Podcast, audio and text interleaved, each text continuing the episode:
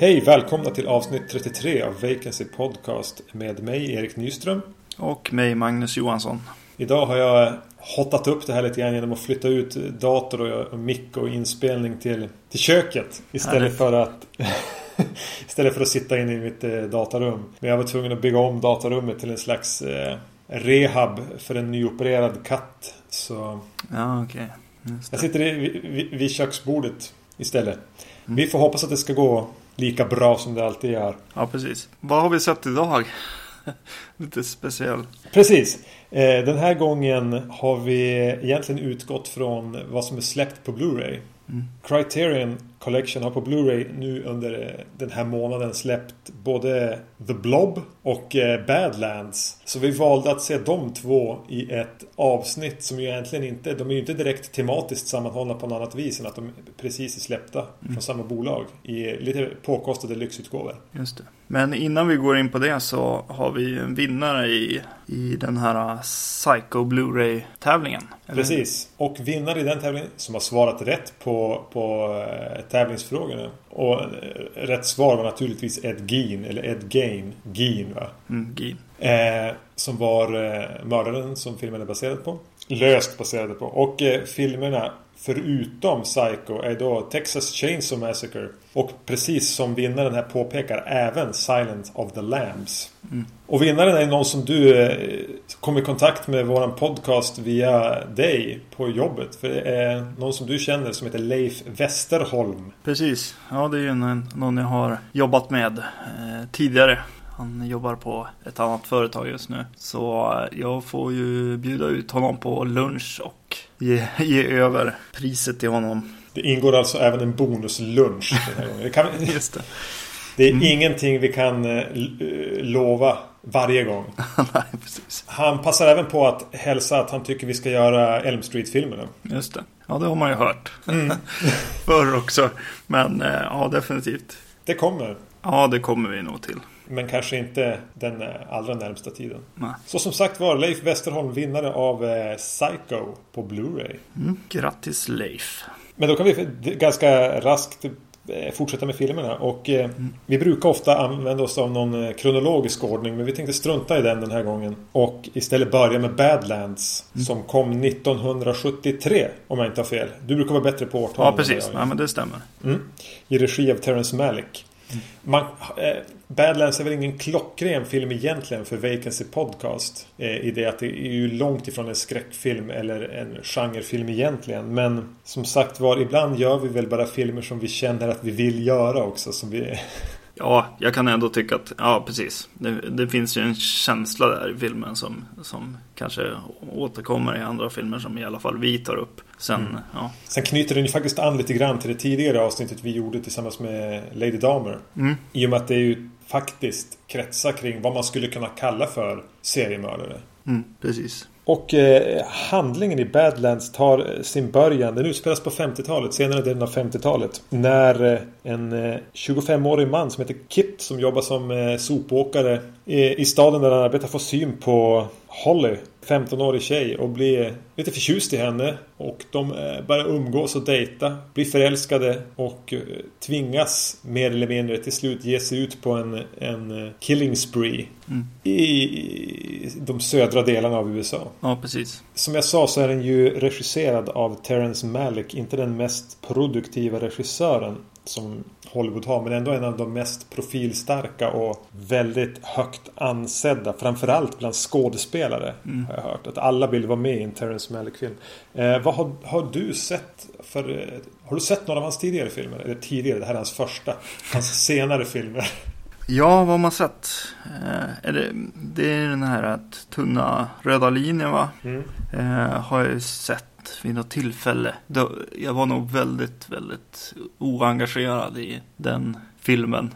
För jag minns nästan ingenting. Jag vet inte i vilket sammanhang jag såg den överhuvudtaget. Eh, men Ja, minns att jag gick och såg den på bio. Eh, det var just när jag hade flyttat till Umeå och börjat plugga på universitetet. Så den kom inte så hemskt långt efter Saving Private Ryan. Nej. Så man tänkte bara, jaha, här kommer nästa krigsfilm. Och jag tror inte riktigt jag var förberedd på vilken typ av film det var. Eller riktigt, kanske inte ens redo för den typen av krigsfilm som han levererade. För mina minnen av den, nu har jag inte sett den sen jag såg den då. Det var sent 90-tal. Och att jag, jag tyckte den var eh, seg och lång och pretentiös. Eh, Jag har inte sett om den sen dess. Den finns också släppt på Blu-ray från Criterion. Och jag har köpt den men det där med att sen sätta sig och se dem.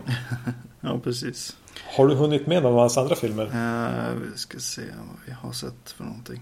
Att jag äh, tjuvtittar på IMDB här. Nej, vet du vad? Jag har nog inte sett någonting mer. Det är inte så. Det är inte så lång lista att behöva gå igenom. Nej. Eh, Jag har sett även Tree of Life när den gick på bio nu för eh, något år sedan. Just det. Och jag har sett eh, Days of Heaven med Richard Gere från sent 70. Mm. Så var filmen han gjorde innan Linjen. Det var väl över 20 år mellan. Alltså han gör bra filmer. De är alltid vansinnigt snygga och med en egen känsla. Mm. Eh, speciell känsla. Och eh, Badlands ligger ju också där med en väldigt egen känsla och stil. Ja, precis. Definitivt. Den är ganska svår att, att ta på, men eh, ja, nej, men det är verkligen en, en intressant och spännande film som jag, jag verkligen eh, gillar. Den går som mellan över, liksom, eller den känns väldigt, väldigt eh, autentisk på något vis. Alltså det, det känns som att allt det här, detta har hänt. Alltså det är så, ja jag vet inte. Samtidigt som det är helt sjuka grejer som händer på något sätt. Jag Eh, förstår som är väldigt, och väldigt svårt att förstå en del av karaktärerna och Sissy Spaceks karaktär bland annat. Men samtidigt förstår man helt och hållet hennes tankar också. Mm, det är nästan så att de blir så konstiga karaktärer eller, eller udda snarare. Att, de blir, att, att de bara måste vara verkliga. Mm. Ja, De precis. där egenheterna kan man inte skriva utan de, de, de är. Mm. Eh, Om man vänjer sig. Det är ju inte så att man tänker att det här är två personer som gör, förutom då att de åker runt i bil och, och, och mördar en del människor. Så gör de väldigt konstiga saker och beter sig väldigt underligt. De kan säga väldigt märkliga saker. Men det är aldrig man, man, man sitter och tänker att oj, vilka, vad är det här för knäpp film och oj, det här är så skruvat och konstigt. Utan det känns väldigt naturligt i filmen. Mm. Ja, men, eh, ja, precis. Det är intressant. Min fru satt och halvsåg den här med mig och hon, hon sa hela tiden, men de är ju de är ju barn de här personerna, Mm. sa hon hela tiden. Och refererade väldigt mycket till Ronja och Birk. Eh, i Ro- Det är, ingen Ron- du, det, det är ingen dum referens, måste jag säga. Nej, För det känns verkligen som två personer som inte har en aning om, riktigt, om konsekvenserna för vad de gör. nej, De beter sig verkligen som barn. Framförallt är ju Sissy Spaceks karaktär Holly Mm. en, ett barn. Ja, hon är ju det. Hon är 15. Mm. Eh, men även, alltså den betydligt äldre, även i filmen så pratar de ganska mycket om åldersskillnaden. Mm. Så är ju han som en blandning mellan ett stort barn och en människa som uppenbarligen är psykotisk. Mm. Ja, precis. Man tänker på, jag vet inte, intervjuer som man, man känner att han är typ Birk fast om Birk var Charles Manson på något sätt. Också för han har väldigt stor makt över eh, henne genom filmen och, och kan hela tiden liksom motivera henne till att fortsätta följa honom Mm. eh, på den här uh, vansinnesresan. Som ju egentligen börjar, ja, jag måste ju säga någonting om filmen, känner jag. Men den börjar ju med att han eh, har ihjäl hennes eh, pappa. Ja, det är ganska tidigt i filmen. Det är inte direkt någon spoiler. Nej, precis. Ja, så det, så det blir extra mycket liksom svårt att hänga med henne egentligen, men också helt naturligt att hon är som hon är. Hon har en eh, voiceover genom filmen som väldigt tidigt i filmen gjorde mig ganska irriterad. Jag blev så här, ja men jag ser ju allt det här. Hon pratar om hur de blir kära och hur eh, vart hon kommer ifrån, vilket sa- samhällskrets, eller vad man ska säga. Eh, vilket visar sig på alla bilder, allting talar för vad hon säger egentligen. Men vid, senare i filmen så blir den här voiceovern mycket mer intressant. För att den berättar mer saker om eh, henne och om, eh, om eh, Martin Sheens karaktär också. Mm. som blir lite, ja, Kip här. Så helt plötsligt så vänds det för mig i alla fall och blir viktigt att, att hon är med och förklarar sina handlingar och hans och ja, det är så viktigt att vara i hennes hjärna liksom, och lyssna. Ja, det är det som, som gör den och gör hon till något annat än ett, bara ett meningslöst bihang till han. För det är han som, som du säger, han har all makt. Det är han som gör allting. Det är han som bestämmer vart de ska åka, när de ska stanna någonstans. Eh, det är han som, som skjuter alla människor. Mm. Eh, men just det att man får ta del av hennes liksom, kommentarer till det här. Mm. Och hennes funderingar kring det och hennes funderingar som sträcker sig långt förbi det som egentligen händer i filmen är ju det som gör att hon fungerar som karaktär. Mm. Att hon blir en karaktär annat än annars hade han som kunnat släppa runt på en, jag vet inte, en trasdocka. Mm. Och han får ju den här lite sektledarkänslan också utifrån de här voiceovers. För hon, hon berättar ju vad Kip har sagt till henne ofta i de här. Eh, vilket vi inte ser riktigt. Utan eh, man får liksom höra hur han förklarar vad som är, var, varför han behövde skjuta någon eller liksom, ja, varför han beter sig som han gör och varför hon måste följa honom och så, så vidare. Jag tänkte aldrig riktigt på det som du sa att, eh, att, man stö, att du störde dig på, på, på voiceovern i början av filmen. Sen, men sen blev den nödvändig. Mm. Eh, för mig blev det så att jag tänkte inte riktigt på voiceovern i början. Men sen började jag tänka på den. För filmen har ganska tydligt nästan en del 1 och en del 2. Där del 2 är större. Mm. Första delen är när de träffas och lär känna varandra, blir förälskade. Och den slutar väl egentligen i samma ögonblick som han eller de, han skjuter hennes, hennes pappa och de tvingas fly därifrån. Mm. Då tar filmen en liten annan karaktär. Eh, men, men, när jag tänker tillbaka på det så har du nog egentligen rätt att voice-on behövs inte där. För då berättar den väldigt mycket om sånt som vi redan ser i bild. Mm. För den, den, är ju eh, makalös på att förmedla eh, det här lite försiktiga, lite märkliga av hur de lär känna varann och hur de mm. blir förälskade i varann. Mm. Det är nästan lite Har du sett Roy Anderssons kärlekshistoria? Nej, jag har tyvärr inte gjort det. Eh, jag får lite samma vibbar där av den här unga förälskelsen. Väldigt unga människor, så försiktiga, lite taffliga, eh, lite halvt nonchalanta förälskelsen. Mm, ja, det är lite intressant just när de har skjutit pappan här så, så och måste ut i liksom iväg med en vild och farlig mördare till pojkvän så känns det ju ganska passande att de eh, bränner upp hennes liksom barndomshem mm. på något vis och hennes leksaker och hennes liksom oskuld helt enkelt. Mm. Där i den här scenen är väldigt men den är väldigt tydlig i sådana sekvenser faktiskt. Och även med just den här hur de blir kära. Och deras plats i samhället och deras, eh, ja vad ska man säga, upbringing. Har ju väldigt, blir ju väldigt tydlig med hans sopåkarjobb och hans, eh, ja, hans liksom utseende egentligen också. Liksom, hur han framför sig lite grann som en eh, filmstjärna. Mm. Och de gör ju ständiga referenser till att han ser ut som James Dean. Mm. Ja, och han känner sig som James Dean. Han vill ju vara den. Han vill ju vara någonting. Han vill ju vara den som är någonting i någons ögon.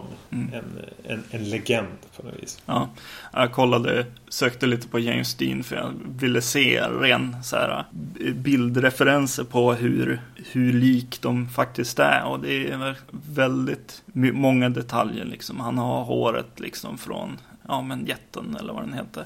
Håller geväret på samma vis och mm. eh, många instanser av filmen. Mm. Det är intressant ändå med det här med, med vi pratar om att det är mycket konstiga saker och som nästan är som är väldigt, väldigt mörk humor. För eh, de har haft en, en, det är en scen som har varit nere i början av filmen vid, vid en flod. Och när de går därifrån men så, så säger han att han vill Vi borde föreviga den här stunden genom att krossa våra händer. Så tar de upp en stor sten tillsammans. Liksom, att de ska krossa varsin hand. Bara, ja, men det, det vill jag inte göra, säger hon. Bara, Nej, okej. Okay. men jag ska ändå ta med den här stenen som ett minne. Mm. Så han tagit upp en ganska stor sten. Mm. Och så går han en bit, sen kastar han iväg den och mumlar någonting om att nej, jag tar en mindre istället. Så plockar han upp en mindre sten. Så det är så här, alltså, särskilt nu när jag återberättar det så låter det ju nästan som en scen ur en komedi. Mm. Och, och den låter framförallt väldigt, väldigt bizarr. Medan i det här så, ja men det naturligtvis så ska han föreslå det. Och naturligtvis så ska han byta ut den stora stenen mot en mindre sten. Det, så, Mm. det är så självklart. Ja. Och även sättet som både Martin Sheen och eh, Sissy Spacek spelar de här karaktärerna är väldigt liksom självklart. De går nog väldigt mycket på, på känsla och intuition som skådespelare. Mm. Snarare än en benhård personregi. Det är i alla fall känslan jag får.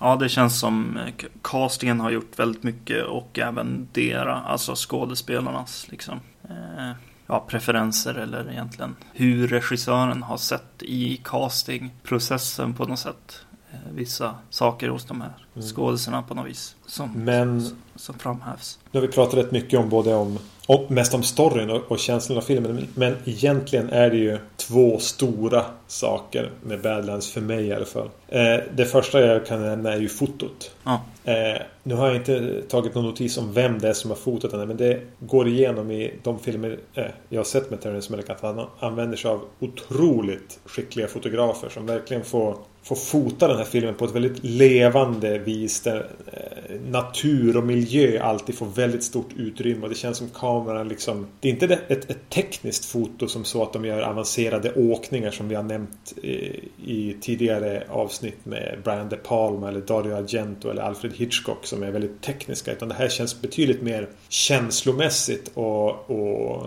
gå på något slags gehör i fotot. Mm. Eh, och det är ju helt vansinnigt vackert att titta på. ja absolut. Fantastisk eh, setting också att filma det här på. På något sätt. Mm. Eh, Och, och den andra stora saken jag vill nämna, kan du gissa vad det är? oj. Musiken, såklart. Ja, just det. Ja, det är klart. Eh, Det är ett väldigt känt, eller väldigt känt, nu kanske jag drar väldigt stora växlar, men det är ett, ett, ett slags theme eller tema som, som återkommer några gånger. Som även är gjort en cover på som är med i True Romance. Mm. Det här eh, trä, xylofon, du vet sånt som vi spelade i. I musiken när vi gick mellanstadiet så hamnade jag och, och, och, Magnus bredvid. Vi var de som inte kunde spela något instrument. Mm. Eh, Man skulle ändå ha en klassorkester. Eh, Så då fick man spela såna här stora xylofoner, heter, heter de så? Man får en, en, en vadderad klubba och en, ett bord med antingen trä eller metallklossar Knossar, ja. på som man ska slå på. Och så står det A, B, C, D. Ja. Eh, jag det, är, i alla fall baserat på den, den trävarianten av ett väldigt... Mm. Ja, det så här, Delar av den musik, den, det temat kommer in i musiken så får jag verkligen... Det är så här gåshudsvackert. Mm. För mig. Ja, ja absolut. Och skådespeleriet då, eh, som vi redan nämnt. Det finns ju, ja, det finns en del grejer som, jag tänker bara nämna några scener så här. Men eh, en sak som man känner i den här filmen det är ju att våldet aldrig är, alltså just det här att skjuta en person. Ja, det är väldigt läskigt i den här filmen, men på ett helt nytt sätt liksom, på något sätt. Det är, det tar, lång tid att, att dö och Mm. man, eh, och det är inget liksom egentligen så blodigt eller så, utan det är väldigt eh, kallt när folk eh, blir skjutna och ibland så, så eh, är de ju vid liv länge och de stannar kvar hos dem som de har skjutit och, och pratar om dem och så här. Hon, hon frågar liksom, ja men hur, hur är det med han? Och då svarar Martin Sheen här, ja jag sköt han i magen, säger han. Och hon bara, är han arg? Frågar hon. Lite så här lång, långsamt egentligen, inget, inget upphetsat egentligen. Nej, det är ganska obehagligt på något vis. De har ju inga, inga breda känsloregister heller de här karaktärerna. Nej. Utan allting är lite grann med den här frånkopplade, lugna, nästan käns inte känslokalla men som att känslorna är och gör någonting annat Mm. just då. Som jag, Ja. det, är ju ingen, det är ju ingen hetsig film det här. Nej, det finns ett, eh, ett till tillfälle när liksom press, eh, media får reda på att de är på den här killing spree-resan på något sätt. Där det finns ett litet collage som går i svartvitt eh, som Mm. visar vad som händer runt om, om dem liksom, i omvärlden. Vilket jag tyckte var väldigt smart grepp. Att, att ställa det utanför filmen på något vis. det, det handlar inte om de här karaktärerna vid det tillfället. Allt så måste man, man bryta ordentligt, eh, kändes det som. Och där fick de ju in en ganska rolig, alltså det den här svarta humorn på något sätt som ändå passar sig. De, nämner någon känd detektiv från Boston. Ja, just det. Som det är i någon bild då. Då, då står det någon med någon sån här riktig så här detektivrock och, och hatt. Pekar på någon parkbänk eller vad han gör.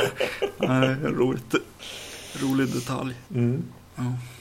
Hade du sett den här tidigare? Eh, ja, det hade jag gjort. Mm. Eh, köpte Var det någon, länge sedan? ja, köpte någon DVD för några år sedan. br- Brukar man säga. Det är säkert tio då. Ja. Ehm, och eh, ja, gillar den ju verkligen då. Och här, här blir den ju extra bra i den här utgåvan. Alltså, eh, med tanke Ja, ja. på fotot då. Och att eh, det är en otroligt fin transfer. Nej men det är en väldigt fin utgåva.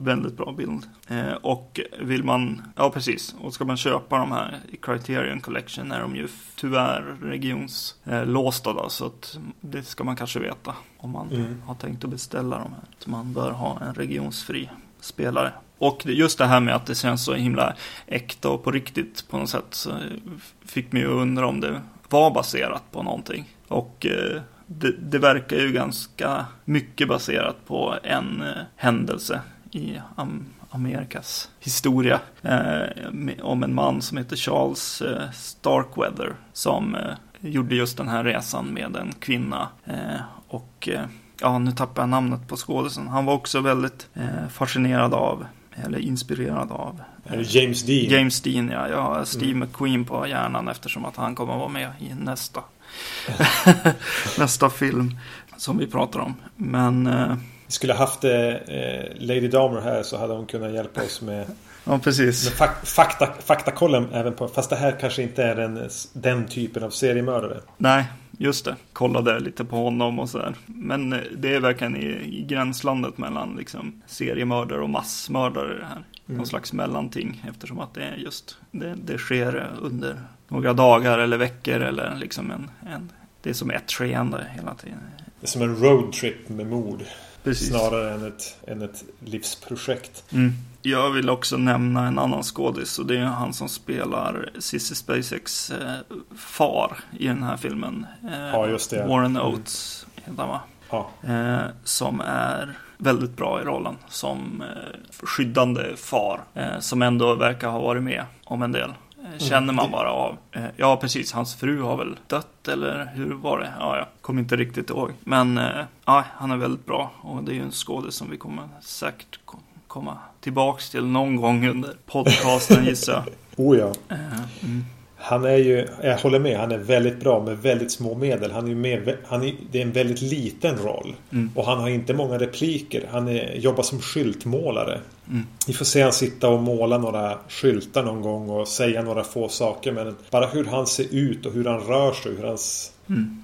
finns på bilden gör att man, man känner att det finns väldigt mycket historia där. Och han är ju inte bara den överbeskyddade, hemska filmklichén till pappa. Utan han är ju en väldigt varm och man ändå. Mm, absolut. Nej, jag gillade honom väldigt bra i den här rollen. Badlands är ju för mig lite grann den här den, en eh, poetisk variant av Bonnie and Clyde. Eh, någonstans även ett släktskap med Natural Born Killers. Ja, Utan att på något sätt jämföra de två filmerna med varandra. Mm. Utan, ja, för mig är det här en väldigt, väldigt varm rekommendation. Det här är en film som när jag ser den så förstår jag inte riktigt intrycken den gör på mig. Men så fort jag slutar se den och det går lite tid så kommer jag på mig själv att jag går och tänker på den. Och framförallt går och tänker på att den här drömska, lite eh, utomjordiska eh, känslan den förmedlar. ja. Den stannar kvar eh, på ett väldigt speciellt sätt. Och eh, det är definitivt en film man ska se. Mm, absolut. Jag skriver under på allt du just sa. Mm. Eh, vi kan ju då stanna kvar i 50-talet. Kanske. Ja, precis. Eh, men byta genre och anslag och stil helt och hållet. Ja, precis. Eh, The Blob med Steve McQueen från 1958. Den handlar ju om lite ungdomar som jagar en, en sak från yttre rymden. Eh, som kommer, kommer ner i ett, ja, nästan ett stjärnfall. Pratar om nästan om. Det är met, meteorit meteor, meteorit, jag vet inte. Eh, vilket som är vad. Om ni vet skillnaden på meteor och meteorit så kan ni mejla det till eh, podcast.vacancy.se Precis. Eh, den slår ner en eh, gammal eh, loner som bor ute i skogen eh, hittar det här, börjar peta på det. Det visar sig att det är någon slags massa, liksom en, en klump, eh, en, en blob skulle man nästan kunna säga. Eh, som han får runt handen och mycket, eh, typ slime. som han får runt handen och eh, får väldigt, väldigt ont. Och så möter han eh, Steve, Steve McQueen och hans date för kvällen på vägen och de hjälper honom till en läkare och därefter börjar den här saken bli ja, större och större och börjar döda inneboende i staden. Precis. Eh, en ganska klassisk film egentligen. Eller hela konceptet med The Blob har ju... Det är ju som ett populärkulturellt fenomen som man utan att ha sett filmen förmodligen känner till med den här stora yellow gelémassan som eh, äter upp människor bara genom att komma i kontakt med dem och växer och växer och växer. Mm. Eh, hade du sett The Blob tidigare? Nej, det här var första gången jag såg den här filmen. Jag snubblade över den och såg den på eh, samma sak med Badlands för övrigt som jag hade sett en gång tidigare på SVT. samma sak med The Blob någon gång. Kanske i gymnasiet, kanske var det senare. Eh, så gick den på, på SVT någon eftermiddag. Helt slumpmässigt så slog jag, så att jag hade sett någon repris på eh, någonting som jag hade. Och helt plötsligt bara, ja nu börjar Faran från skyn. Mm. Hette den då på svenska. Så det är den gång sen tänkte jag, oj men det här är ju The Blob. Just det. Eh, och man känner ju till titeln. Mm. Eh, så jag såg den då. Eh, och det här kan vara, nu är vi där igen med tid och hur länge sedan det var. Men vi säger 15 år sedan, 10-15 år sedan. Mm. Eh, så det här är andra gången jag ser den. Jag minns i princip ingenting. Men har du något minne av att ha sett remaken som kom från 80-talet? Ja, precis. Den, den har jag sett. Det har jag säkert ja, Jag är ganska säker på att, precis, att vi såg den tillsammans. Mm. Mer än så minns jag inte av Nej, precis. Annat än att The Blob är nere i kloaker då, tror jag. Mm. Också roligt att se en sån här pass gammal film på Criterion Blu-ray. Roligt att se sån här se till slut att de har problem med fokus i vissa scener i början. Framförallt så har ja. de väldigt mycket problem med att få fokus på karaktärerna utan ha mer fokus på löv och grejer i bakgrunden. Någonting som jag såg på, eh, ja, det var nog första Blu-ray igen jag köpte tror jag, eh, Halloween. Mm. Eh, som eh, också har sådana här scener som man aldrig, aldrig hade sett det problemet på. Liksom. Att fokusen eh, fluktuerar lite grann. Ja, och svårt att hitta skärpa, skärpedjupet mm. i bilden. Mm. Jo, jag tänkte på samma sak. Det är som bara mysigt på något vis tycker jag. ja, det är väldigt synd för ja, de som har gjort filmen. Vad tyckte du om, eh, om låten då? Det ju, har ju en theme song. Mm. Som heter The Blob antar jag. Med så här komplett med ljud. Nu misslyckades jag med att göra det. Men när man tar fingret och sprättar till ja, i insidan kinden. Mm, den spelas ju i början på den här Blu-rayen. Framförallt i, vet du, i själva menyn. Och mm. eh, jag fann mig själv stanna på menyn väldigt länge.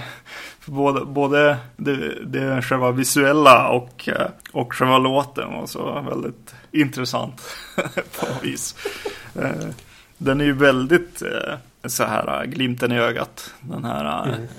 äh, låten. Och även filmen kan man väl säga ändå. Ja, man undrar ju om hur mycket som är medvetet glimten i ögat eller hur mycket som blev det. Ja, precis. Det känns lite som att de har gjort filmen, tittar på den och så bara oj, jaha, okej. Eh, vi gör en liten themesång och en liten så här fin blob-loggan till exempel som ja. eh, blir väldigt så här, ja, jag vet inte, flummig nästan.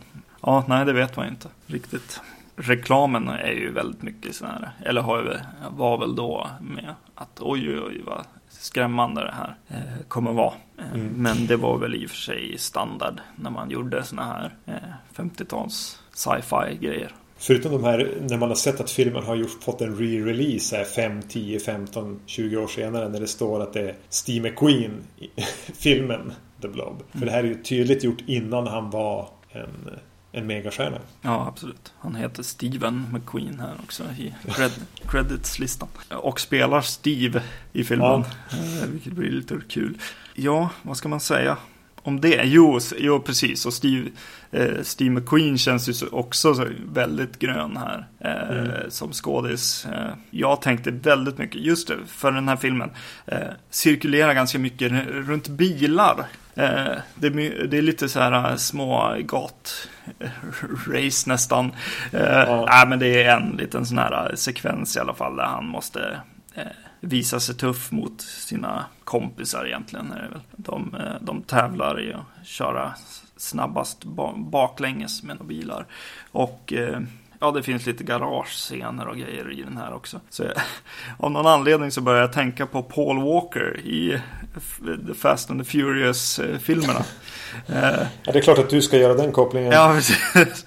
Eh, jag tänkte på att, eller jag helt plötsligt slog det mig bara, ja men det är ju därför Paul Walker är med i de filmerna. Eller överhuvudtaget är en skådes, liksom som, som skådespelare. För att han är lite, lite, lite, lite lik Steve McQueen på något sätt. Då. Ja, men St Steve McQueen har ju ofta kört bil i sina filmer sen också. Jag tänker på eh, Bullet och i eh, Sam Peckinpah-filmen The Getaway. Ja, och Le, Le Mans eller vad den heter. Ja, ja. ja väldigt, väldigt kanske. mycket bil i. Mm. Jag tänkte på en, på en film eh, när jag såg den här eh, som vi har sett tidigare eh, i podcasten och det är fredag den 13 del 6 av alla. Tänker du på den här studiojordade känslan eller? Eh, jag, jag, jag, känner både det, den här unga killen som kommer in till stan och har ett stort problem med någonting som har kommit, liksom, det har, som kommit som från en blixt från klar himmel, eller vad man ska säga. Eh, någonting, han måste åka in till sheriffen, sheriffen tror inte på honom och eh, han och en, en tjej måste springa runt och eh, försöka övertala folk om att eh, The Blob eller Jason är tillbaka. Eller här i, i stan. Jag vet inte. Eh, jag tänkte väldigt spännande koppling. Ingenting jag gjorde. Men jag tänkte att den här eh, The Blob hade lite grann av en lite modernare tappning än många andra 50-tals sci-fi skräck. Jag har sett en del av dem som fokuserar mycket på stora spindlar eller på förstorade människor eller utomjordingar. Så har den här en lite modernare tappning. Mm. Som fick mig att tänka på eh, slasherfilmer. Det är ganska många scener när de går in i mörka rum. Smyger, det är spännande musik. De funderar vad som har hänt. De vet att det finns en fara. Kanske är det här monstret eller mördaren i det här rummet. Mm. Så, så jag, just de bitarna har jag faktiskt till och med skrivit med noterat. De känns lite så här modernare eller åtminstone 20 år senare. Mm.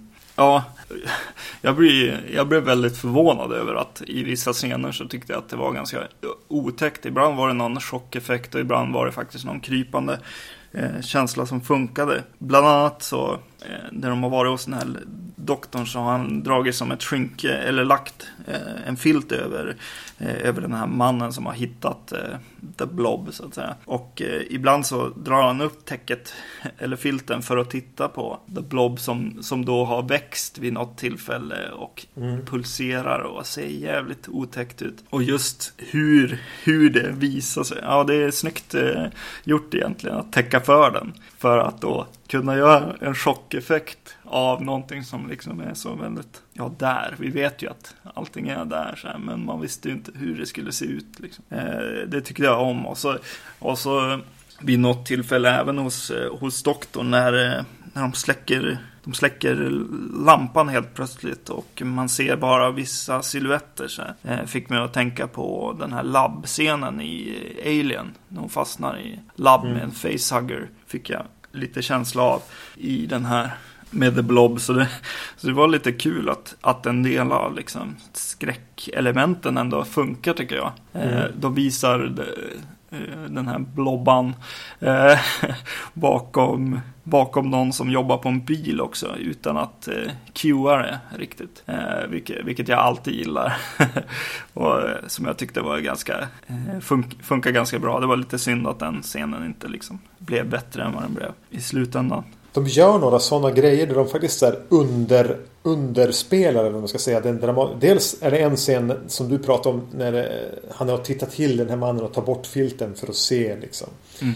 Eh, den som är liksom den man reagerar på där som är liksom oh, eh, Som är den enda scenen jag minns från det jag såg den tidigare. Den är ganska underspelad. Det är ingen jättechock musik. Och det är ingen jättereaktion från, från läkaren som tittar på det. Mm. Utan att det är väldigt ganska så här tillbakadraget. Vilket ju, som, det gör det lite obehagligare. Mm. Eh, och även scenen som du säger i ett bilgarage. Ja. Eh, Man, man skulle vilja ha sett den med publik gissar jag. Ja, Jag, jag gissar Ja. på att den här filmen eh, vet eh, ganska bra vad publiken kommer liksom göra ljudet åt den liksom på något sätt. på drive-in bion. Ja, precis. De förväntar sig lite skrik här och där och låt, låter det finnas utrymme för det. Den är ju väldigt medveten om att den är en drive-in film och en, en date-film på något sätt. Eh, framförallt, ja, den första scenen, den börjar med en, en scen uppe på så här Lovers Lane eller vad det nu kan heta på svenska. Där, där Steve McQueen försöker förklara, eh, undanförklara något. han råkar säga någonting om att han brukar åka dit. Och hon, hon, hon han är där med blir lite så här, ja men vänta nu. Är du här varje helg med någon ny tjej eller hur, hur, hur är det egentligen? Eh, och eh, ja, han, han försöker fixa till det där lite grann. Vilket ju säkert funkar jättebra på en, liksom, en, sån, eh, när man sitter med någon tjej på bio liksom. Och, och, och man kan ha lite kul åt, åt eh, den scenen. Och eh, ja, den, den, den går ju fullt ut senare och utspelar sig på, på en sån här biograf. Eh, Där det sitter folk och ser i princip den här filmen. Den är väldigt medveten. Jag vet inte om det är just att den är från 58. Att det kanske var hade kommit några såna här filmer och att den visste att den var en sån här. Eller om jag väl- läste bara in. Den är ju ändå en väldigt så här tonårskulturmedveten film. Mm. Mycket av de äldre, jag har sett ganska mycket, alltså Universals gamla skräckfilmer och filmer som växte fram även under de här monster sci-fi filmerna. Så är det ofta liksom 40-åriga vetenskapsmän eller en 40-årig reporter som är hjälten. Här har de verkligen tagit ner det till att vara tonåringar och spelar tydligt mot en tonårskultur. Med, ja, men med det här med att köra bilar. Polisen och de vuxna blir liksom ytterligare ett problem. Mm. Det blir som en slags ett triangeldrama mellan tonåringarna, The Blob och auktoriteterna i samhället. Mm. Att den spelar väldigt mycket på det.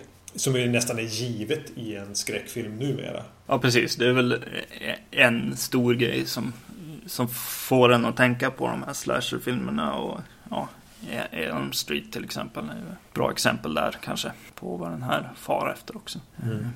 Ja, Men eh, samtidigt så märks det ju att den stannar upp något fruktansvärt vid några tillfällen. När de bara ska stå och tjabbla. Det har att göra med det här eh, bilrace-grejen. Så står de som bara och tjabbla. Det kommer dit, de står och tjabblar med någon eh, hos doktorn också väldigt länge. Dividera hit, dividera dit. Bara för att fylla ut tid med lite dialog mm. och på polisstationen vid vissa tillfällen också. Även om en del av polisdialogen kan vara ganska kul och ibland intressant på något sätt. Eh, det är någon, eh, någon av poliserna som börjar som verkligen är mot de här ungdomarna på något vis. Och, och sen öppnar upp sig på något vis och säger ja, de, de är bara emot min, min eh, militära bakgrund och lite sådana tankar tar han upp. Vilket är lite, ja, nej, det är väl lite ovanligt eh, kändes det som, för mig i alla fall. Vi kanske ska nämna också på, ta, på tal om militären och kanske politik också att den här filmen är ju väldigt mycket Am- Amerika mot den eh, röda stora massan som kommer och, och, och jagar dem och liksom och eh, tar i, om, man, om man som individ på något sätt kommer nära den här massan så blir man bara del av den och eh, den är ju väldigt, eh, ja, Det är svårt att inte se den som kommunistskräckpropaganda. nej precis. Även om jag läste någonstans att eh, manusförfattaren har förnekat det. Så Ja, det är lite svårt att låta bli. Det, det går inte att inte göra den tolkningen. När man vet vilket, hur samhällsklimatet och liksom, den politiska debatten var i USA på den här tiden. Ja, och, och menar, det- även hotet utifrån också. Ja. Eh, mm. Effekterna blandar ju och ger ganska mycket också. Mm. Eh, det är en del eh, Nästan ska man kalla det för datoranimeringar när den har kapslat in en, ett litet hus sådär som verkligen inte ser bra ut. Mm. Vissa scener använder de, eh, vad jag har läst, en eh, väderballong som de har gishat till. Som, Mm. Den ser väl okej. Men vad jag inte visste var när jag satt och kikade igenom på extra materialet fanns det ett bildgalleri. Mm. Hur otroligt mycket som är miniatyrer som Ja. jag inte förstod. Vissa är väldigt uppenbart men vissa andra grejer hade jag ingen aning om var miniatyrer. Nej. Nej, precis. När de bara tittar ner på den i början också när den är sådär liten. Och man tänker så här, ja men jävlar vad mycket geggamoja de måste ha använt. Men så är det ju inte. Det är ju, det är ju rummet som är väldigt litet. Eh, Mm. Och så är det en liten klick med geggamoja. Eh, Den åker in under en, under en, under en dörr i ett Mm. rum. Kommer in under dörrspringan och då tänker man också bara ja men det där. Och har de klämt in precis en massa röd geggamoja under dörren. Mm. Och sen ser man nej de har haft en jätteliten dörr. Ja. Och det är de eh, miniatyrerna är otroliga. För de lurade mig fullständigt när jag Ja. såg den. Ja, Det är det här med att, att bli så här, tokblåst av en över 50 år gammal film är ju fortfarande ganska... Det är, jag gillar det. Ja, Jag gillar att precis. bli lurad. Jo, men det är, det är väldigt bra effekter ibland och ibland är det, ja men då tar, kommer de in och ritar, alltså målar effekter och sådär som, att- som det var ett tag. Eh, Och det funkar ju som inte riktigt. För en del av dem är verkligen så här, oj, det där är ju, ja, vad ska man säga, på riktigt. Eller mycket mer autentiskt på något sätt, vad man nu ska Ja. referera till.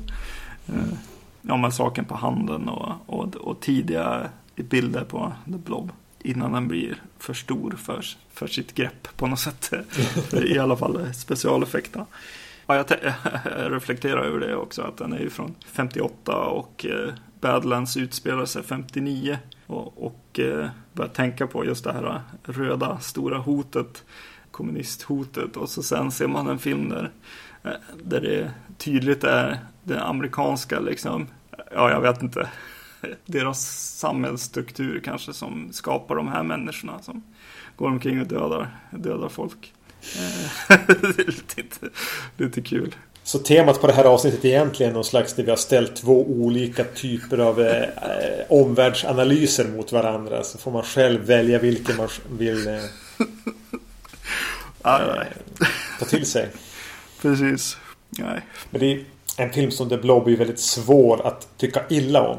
Det är kanske ingen film att älska och prata om och rekommendera alla att se. Förutom att den är ett så otroligt viktigt populärkulturellt fenomen. Men så är den ju liksom så mysig och småtantig och, och Mm. att eh, jag kan, jag kan inte... Jag, jag har svårt att säga elaka saker om den. Ja, precis. Definitivt. Ja, men som sagt, den segar ner ibland och, och fotot, det är inte det roligaste.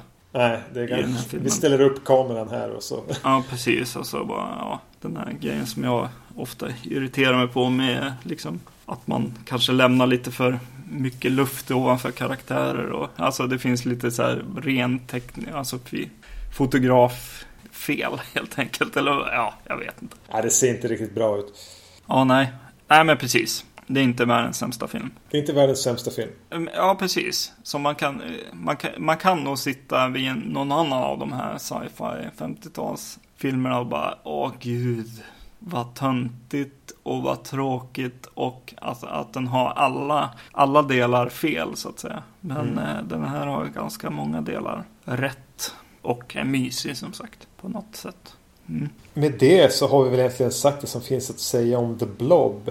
Mm. Eh, I nästa avsnitt kommer vi att ta vid direkt med en annan typ av monsterfilm. Mm. Du kanske kan berätta lite grann om eh, vad det är för tema och vad det är för filmer vi kommer att se i nästa avsnitt av Vacancy Podcast. Ja, precis. Det blir regissörstema i nästa avsnitt och det är en regissör och en manusförfattare som heter Jeff Lieberman som vi kommer att se filmer av. Tre filmer. Squirm kommer vi se som är en eh, eh, film om mördarmaskar och Blue Sunshine som är en film om mördardroger och så kommer vi att se Just Before Dawn som är en film om mördarmördare. Precis. I nästa avsnitt av Vacancy Podcast. Och innan vi avslutar det här avsnittet så eh, tänkte vi ta eh, tillfället i akt att uppmärksamma att musikern och låtskrivaren Jason Molina är död. En artist som har betytt ganska mycket för mig i, i mitt musiklyssnande under de senaste tio, tio åren åtminstone. Han har tidigare i karriären arbetat under artistnamnet Songs Ohio som sen omvandlades till Magnolia Electric Company och han har även gett ut ett par skivor under eget namn. Han startade som en eh, indie, lo-fi singer-songwriter utvecklade sitt sound till att bli mer experimentellt och i, takt, eh, i samband med att han skapade bandet eh, Magnolia Electric Company så började han spela mer Neil Young-influerad countryrock. Det är ofta väldigt dystert, det är ofta väldigt mycket fokus på, på ensamhet. För min favoritskiva gav han ut under namnet Songs of Haya och heter eh, Didn't It Rain. Vilken är din favoritskiva? Ja, ja, den jag har lyssnat mest på. Eh, som är lite av en sån här eh, middagsskiva för oss. Vi sitter och lyssnar på mycket musik medan vi äter här hemma. Och det är eh, Magnolia Electric Companys Josephine. Jag vill också nämna eh, EPn, den första som du rekommenderade till mig eftersom att jag lyssnar på Warren Sivon vid tillfället. Hard to Love a Man gillar jag väldigt mycket. Det är då han gör en cover på... Eh, på Werewolves of London. Och så gör han en väldigt fin låt som heter Bowery. Som låter lite som någon slags John, John Denver-låt lite grann. Eh, som jag gillar väldigt mycket. Eh, Jason Molina blev 39 år gammal. Och istället för våran vanliga outro så avslutar vi med en låt som han gav ut under eget namn. Och den heter Alone with the Owl. Alone with the owls howling pain, pain, pain. Alone with the owls howling pain. Alone with the owls howling pain, pain, pain. You don't have to live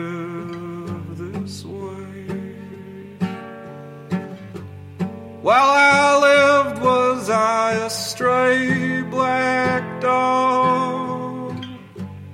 While I lived, was I a stray black dog? While I lived, was I anything at all? Did I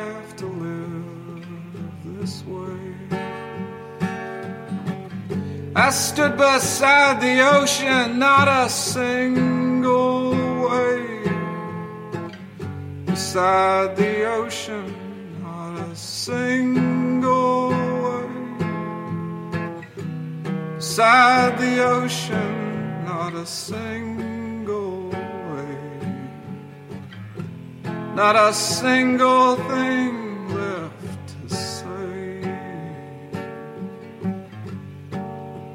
owl howling, pain, pain, pain, with the ocean howling the same. With my life howling the same. Did I have